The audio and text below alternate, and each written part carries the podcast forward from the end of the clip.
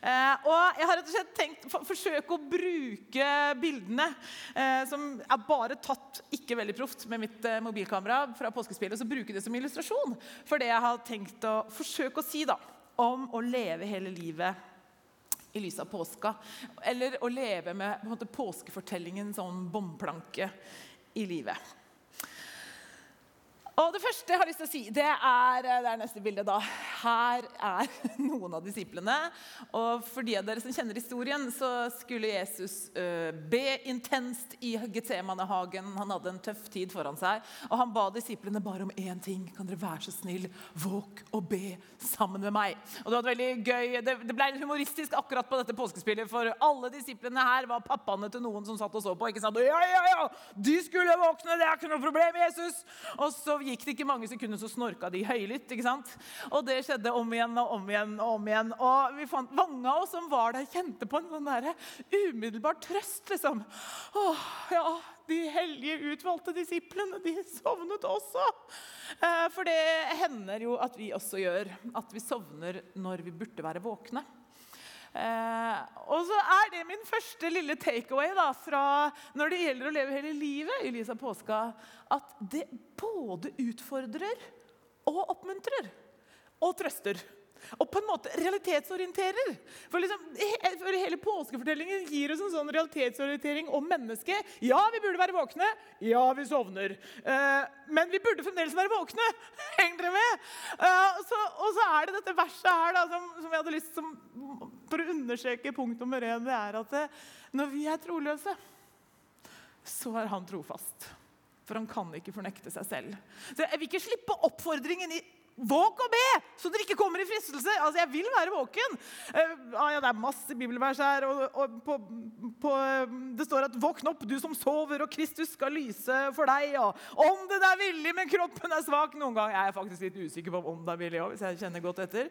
Men, uh, men likevel, så alt dette her uh, gir den der soveseansen meg iallfall, uh, når jeg lever hele livet. Jeg blir utfordra, jeg blir trøsta. Jeg blir realitetsorientert. Men jeg vet også at når jeg er troløs, så er han trofast, for han kan ikke fornekte seg selv. Det er det første punktet. Og det andre punktet Jeg har faktisk syv, da! Altså, hvis, blir, hvis, det tar for lang tid, så bare dropper jeg et par av de, men de er ikke så lange, noen av de.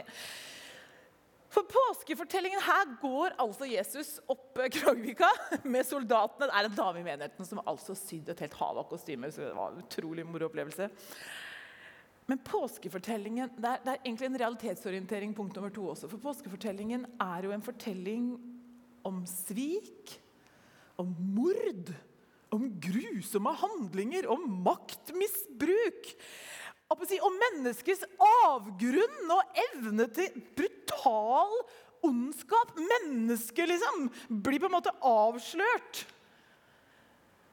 Og i det så tenker jeg det er så viktig at vi som troende som ønsker å følge Jesus, at ikke vi skal bli så overraska når grusomme hendelser fremdeles skjer. For det gjør det jo. Og ikke minst at ikke vi skal bli så overraska når vonde ting skjer med oss sjøl. Fordi at Gud er jo ikke en sånn himmelsk curlingpappa som polerer veien foran oss, liksom. Eller en himmelsk butler som sier til tjeneste-Siri 'Skal jeg feie veien for deg?' Eh, tvert om så står det i salmen at godhet og miskunnhet skal etterjage oss alle våre dager. Det er noe helt annet.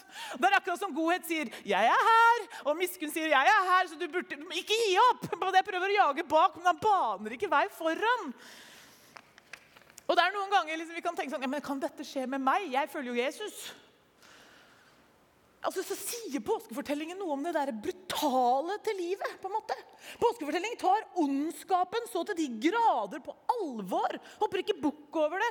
Og det er så ofte når jeg tenker på det, så kommer jeg eh, jeg skal nevne litt etterpå, for dere som kjenner meg som mamma og pappa var mange år misjonærer i Colombia. Pappa er dessverre død nå. Han er hjemme hos Jesus, han fikk blodkreft, og det var ikke noe gøy. Men mamma, vet du, hun, jeg vet ikke, på de seks årene pappa har vært død, så tror jeg hun har vært i Colombia 13 ganger. eller et eller annet sånt. Hun er nå 82 år og er i Colombia nå. så skal jeg øyeblikk vise noen bilder fra det. Men en gang så forteller hun at hun kom til en av disse bydelene i Barranquilla. og Så var det en familie på fem som sto rundt stekepanna med en sild. Og så ba de inderlig til Jesus kan du velsigne denne silda så den blir nok, så vi er mette. Og Det var jo kristne folk ikke sant, som tror på Jesu velsignelse, men den silda var en sild! Bare!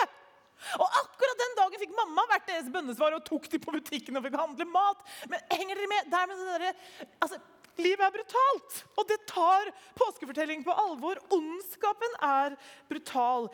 Og det er egentlig litt sånn problematisk, for dette påskefortellingen den er eksistensiell. Den er spennende, men den er jo ikke koselig. Han passer liksom ikke til Kvikk Lunsj og appelsin i solveggen. Men den tar det onde på alvor. Ja. Det er min, altså dette er jo mine takeaways fra påska. da, som, som, gjør noe med meg når jeg lever hele livet i lyset. og det var mitt punkt nummer to. Nå kommer det tredje punktet. Og det er at påskefortelling den utfordrer meg altså så til å leve som en tjener. Ja, Du kan ta neste slide. Her, altså, det var en barnehage som hadde dette påskespillet før oss. Derfor er Jesus og Peter damer i dette tilfellet. Det er ikke noe sånn spesielt poeng med det. Men eh, sånn er det. Her er det Jesus som vasker beina på Peter. Og dette har sikkert, Mange av dere sikkert hørt mange andakter om, altså, men vi kan jo ikke forestille oss hvor drøyt det var at Jesus Kristus skulle vaske noens føtter. For det var, altså det var, som båndslam av båndslam i hierarkiet som vaska føtter. Det var så drøyt. Um, og jeg har holdt mange taler dere, om liksom Peter, for han sier jo 'vask hele meg', og liksom prøvde å åndeliggjort denne vaskinga. Og det er mange bunner, det er alltid mange bunner i teksten, men Jesus sier det veldig tydelig. 'Jeg gir dere et eksempel'. altså, det, er liksom, det er ikke så veldig åndelig, det. Vær en tjener! Å, det, og jeg har så lite naturlig hang til det. og det utfordrer meg. Så hvis jeg skal leve hele livet i lys av påska, så blir jeg altså utfordra. Og det er her jeg tenkte jeg skulle vise et lite bilde av mamma. Fikk vi til det? Vet ikke om det er for Her, her har jeg latterkrampe. da. Mamma er i Colombia akkurat nå. det er derfor De bildene liksom sendte jeg i dag til morgenen. Til per, og så eh, bare, bare klikk litt videre, skal du se hvis det funker. Nei, der forsvant de. Og så klemmer hun litt på denne dama, og så klemmer hun litt på den hun er på besøk hos. Dette er en av bydelene. Ja, Hvis det kommer, så er det ikke så farlig. Men greia er den at vi har en sånn messengergruppe for mamma. Eh, mamma var egentlig veldig dårlig, for hun har så trøbbel med hjertet. Eh, og så eh, har du så fryktelig høyt blodtrykk. Og så skulle hun gå med sånn eh, greie vet du, 24 timer for å sjekke blodtrykket. Og så er hun 81 år, da, og snart 82, og så, så sier hun til meg du skjønner det, jeg, at jeg har hatt en ordentlig prat med Jesus. Å, jeg var ordentlig den gangen. Jeg sagt at nå må han helbrede meg, for jeg trenger en tur til til Colombia. Og så gikk jeg og henta koffertene.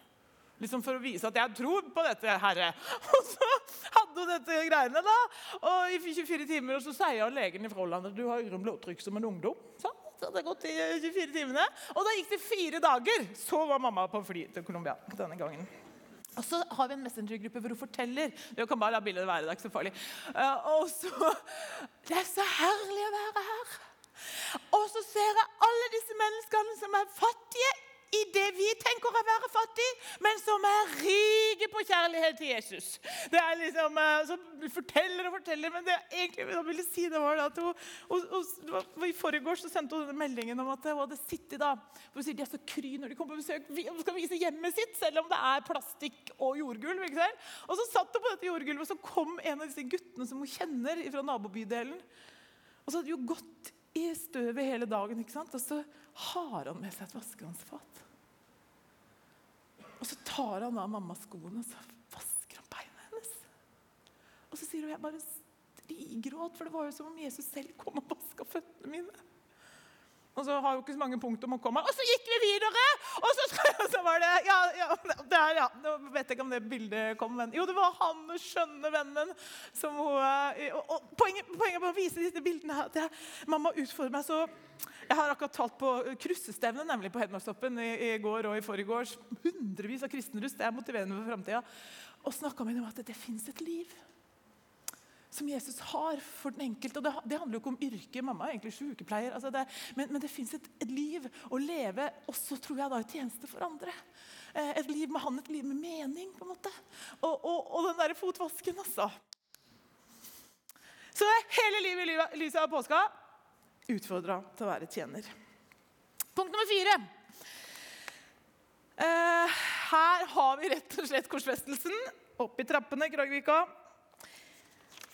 Og for meg eh, så er punkt nummer fire når jeg lever hele livet liksom, påska, det er at eh, det er sannelig mye jeg ikke forstår.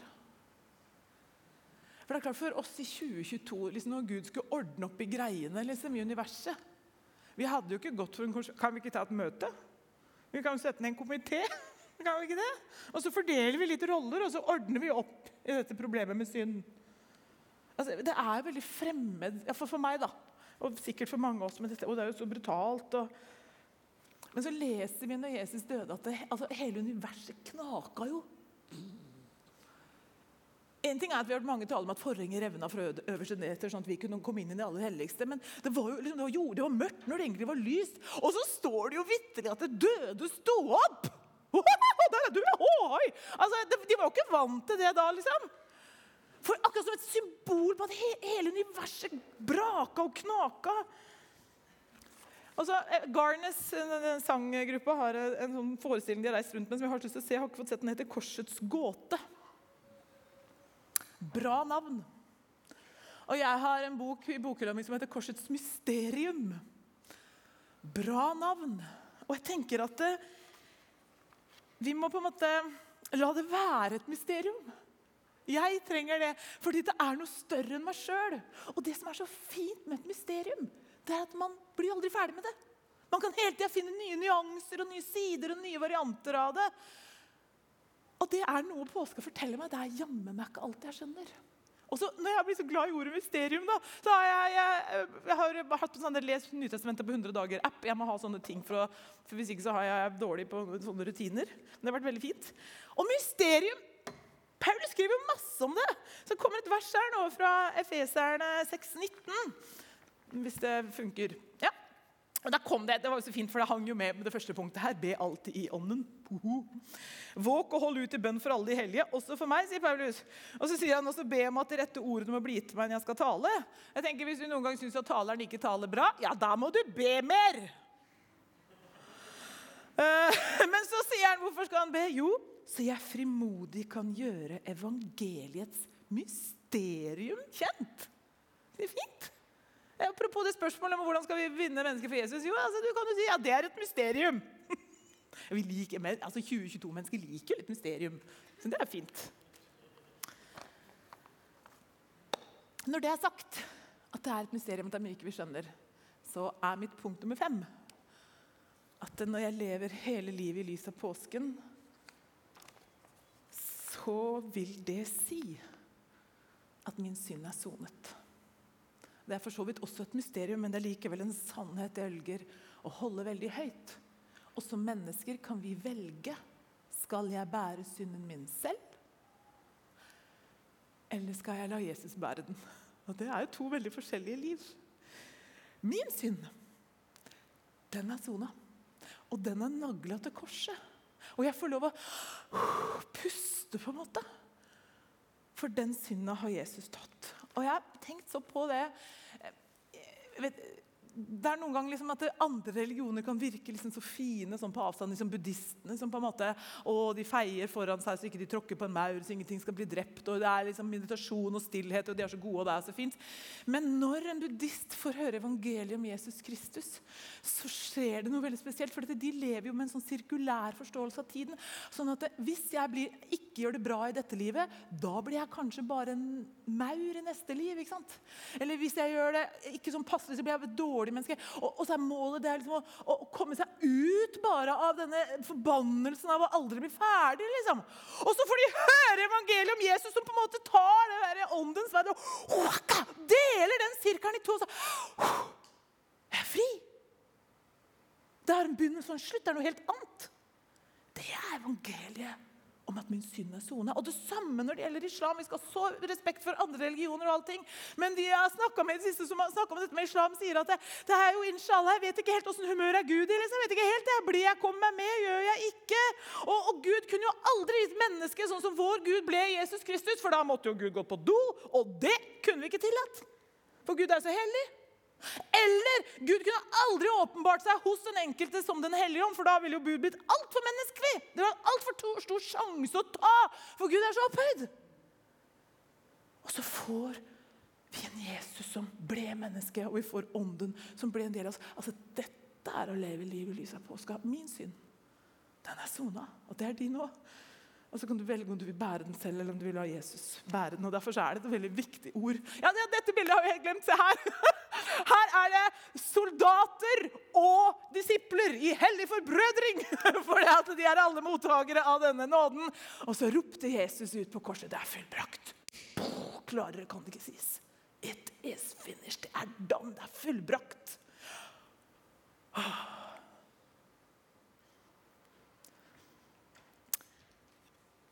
altså, jeg føler jeg ligger veldig godt an tidsmessig. Jeg har egentlig ikke peiling, for jeg har ikke klokke, men jeg har bare to punkt igjen. er det bra? Det er fint. For når vi lever hele livet i lys av påska, så minner påskefortellingen oss om at det er Jesus Kristus som skal ha det siste ordet. Og Her er engelen som står på toppen av den bunkersen. Hun hadde gjemt seg hele forestillingen. Og altså, Vi snakker dieselaggregat, sånn at vi hadde strøm. ikke sant? Så når da de, kvinnene kom løpende til grava for å finne Jesus, så var den tom. Og så stiger den engelen fram og sier 'Han er ikke her! Han lever!' Det var et øyeblikk altså, i påskespillet. Og kjære venner, Jesu oppstandelse er jo så mye mer enn at et menneske var død og ble levende. For det hadde jo Lasarus blitt. Jesu oppstandelse gir en seier over djevelen, over døden og over graven. Og altså, det, det, det er å leve livet i lys av påska, det. Og det er ingen tvil om at det fremdeles foregår en kamp. Det er jo liksom dobbelt det der med at det er en seier og det er fremdeles kamp. Men det som er med den kampen og Jeg tenker, jeg ser noen unge her. altså. Da må dere bare vite at det, vi står jo på en annens seier, nemlig Jesus sin. Så i den grad det er en kamp, så er det noen andre som angriper. Og det trenger ikke vi gjøre. Vi kan stå trygt på den seier som Jesus Kristus har vunnet. Derfor skriver han i Efeserbrevet bli stående etter å ha overvunnet alt. Det er for de som tar på den fulle rustningen. Og Det er jo et frampek i dette her når vi får leve hele livet i lyset av en uh, tom grav. Altså, Det bare forandrer alt. Og det, ja, se, var det ikke fint? Det var en av damene i menigheten som hadde lagd en påskekrans og hengt opp på bunkersen, som ble den tomme grava. Og så kommer nå det er farlig for en predikant å si at man har favorittvers, men dette er iallfall et av de som jeg ofte vender tilbake til. For det er Jesus som sier at det, bare, å, jeg favner alt. Når jeg går meg vill i min egen jungel av tanker, så sier Jesus jeg er den første. Jeg er den. Jeg er den levende. Se, jeg var død, men jeg lever. Og det er jeg, ingen andre, som har nøklene til dødsriket. Altså, han har alltid vært, han skal alltid være. Han har hele oversikten. Og han lever. Det gir perspektiv. Og det er mitt syvende og siste punkt om uh, hva det er for meg å leve hele livet i lys av påsken. Uh, og den er litt sånn, uh, Det er lærer Iversen. Jeg har jo vært lærer mange år på Ansgarskolen. Og der kommer plansjen. Den er henta fra Lars Rommendal sin bok. for de av dere som kjenner han. Snart pensjonist, men han er min veileder i min masteravhandling på Ansgarskolen. Og jeg elsker Lars Rommendal. Det kan du godt sitere meg på. Påskefortelling gir perspektiv, og jeg trenger perspektiv. og Nå skal jeg forklare dere denne her. Veldig, det begynner helt Ja, det er ikke så farlig. Det er ikke, ikke bildeteknikeren sin skyld. Det har vært en greie her i helga, og har, vi trodde ikke det kom bilde i det hele tatt. Så jeg er bare strålende fornøyd med det som kommer. Takk til deg. Eh, men det det begynte med, var at Gud skapte denne jorda. Det er vi begynner fra begynnelsen da. Det kan bli et langt punkt.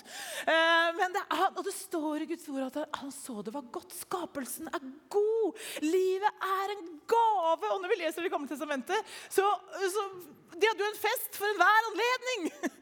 Sånn at de var så gode på å feire og samtidig visste at dette livet er ikke alt. Det er nok en sånn dobbelthet som vi lever i.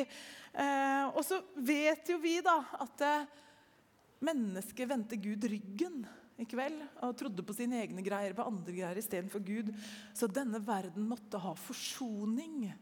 Og Det fins jo så mange gode ord om det, men blant annet så står det at Gud i Kristus Jesus forsonte verden med seg selv. Og det er det som skjedde når du ser det korset kommer ned. Fra høyre blir det jo for dere alle, ja. Mm.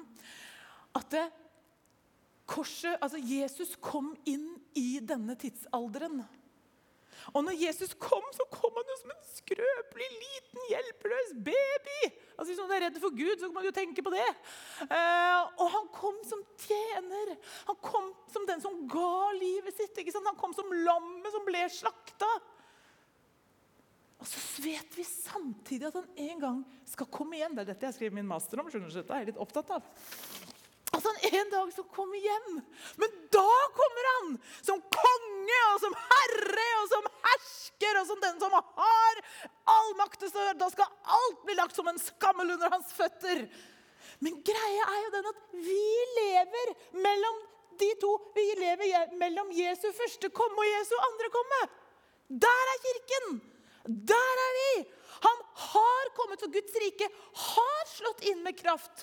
Så det betyr at vi kan be for syke. Det betyr at vi får smak på det som skal komme. Men så Helligåndens nærvær i livet vårt som en liten sånn forsmak på det som skal komme. Men så betyr det jo også at vi ber for syke, og så blir de ikke friske. I Colombia de fasta jo ba i dagevis når pappa var syk. Han døde like fullt. Og Noen ganger så kjenner vi Den hellige ånd veldig sterkt, andre ganger så er det like salig som å stå i telefonboka. liksom. Altså, det er, det, fordi at det, vi lever i denne verden. Det og det er det teologien Jeg er veldig glad i teologi. Det er det denne teologien kaller for 'allerede, men ennå ikke'. Eller 'allerede og ennå ikke'.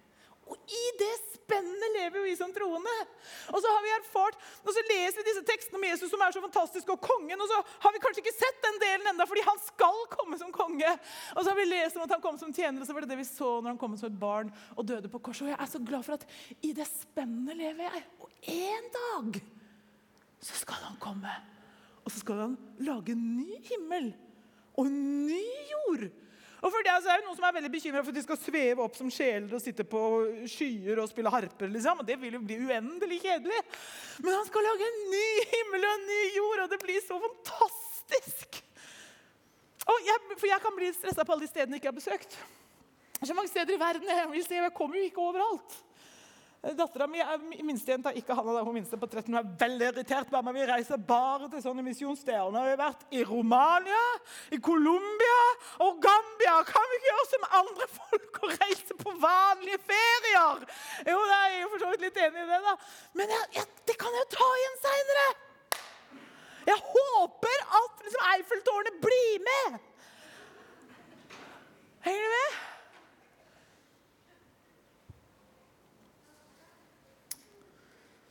Så skal vi ha kropper, og så blir det Ja, dere har en pastor som kan alt om kropp, så det trenger jeg ikke tenke på.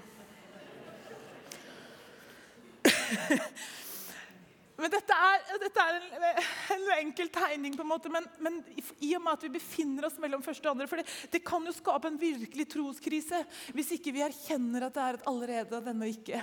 Og at vi får lov å leve i det spennet. Og noen ganger så slår det inn med kraft, og det er så nydelig.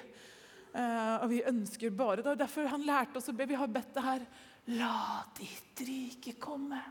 La oss prøve å se det midt iblant oss. La din vilje skje. Og i det spennet lever vi.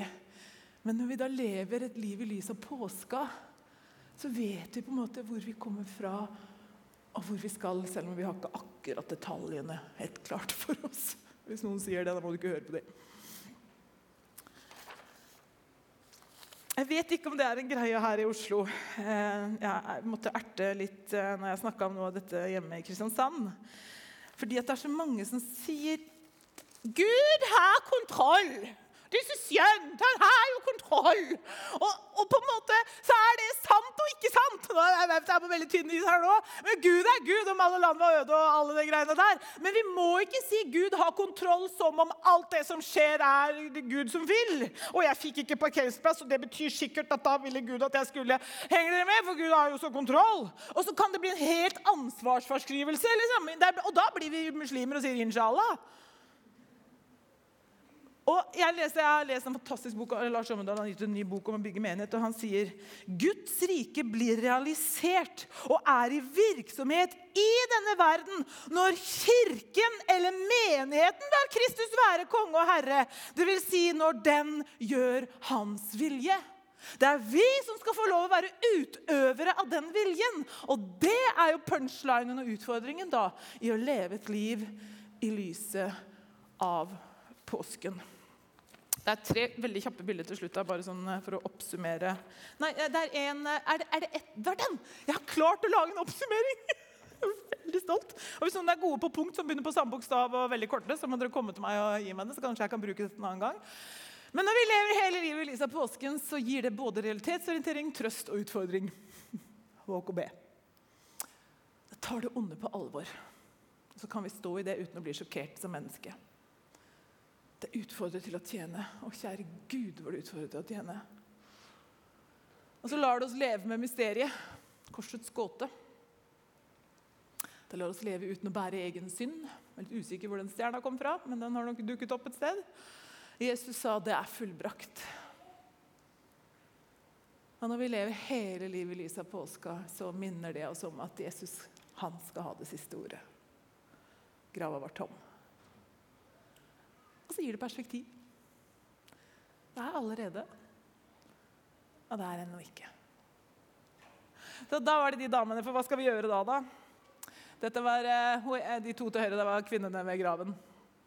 De fikk i grunnen bare én beskjed, og det var til de se, kom og se, Jesus lever. De trengte ikke forklare alt, men de skulle løpe og si 'Jesus lever'. Det kan vi gjøre. Så var det neste bilde. Nummer to fra venstre er jeg gift med. Så søt liten jente med den røde greia på hodet. Men uh, dette er disiplene som hadde det fint under påskemåltidet. Og det er punkt nummer to når vi skal, leve, liksom, vi skal utøve dette livet, så må vi gjøre det sammen med andre troende. Det har jo dere skjønt. Dere er jo her, dere er jo en kirke. Vi klarer ikke det alene, vi må gjøre det sammen. Og punkt nummer tre eh, når vi skal leve dette livet i lys av påsken, så hører ånden med. Den hellige ånd er en del av det fullbrakte verket på Golgata som Jesus sørga for. Eh, og vi får lov å leve med det med ånden og i åndens kraft, rett og slett. Kjære Betlem, Oslo misjonskirke Betlehem, Gud velsigne dere og oss alle til å leve hele livet i lys av påsken. Amen.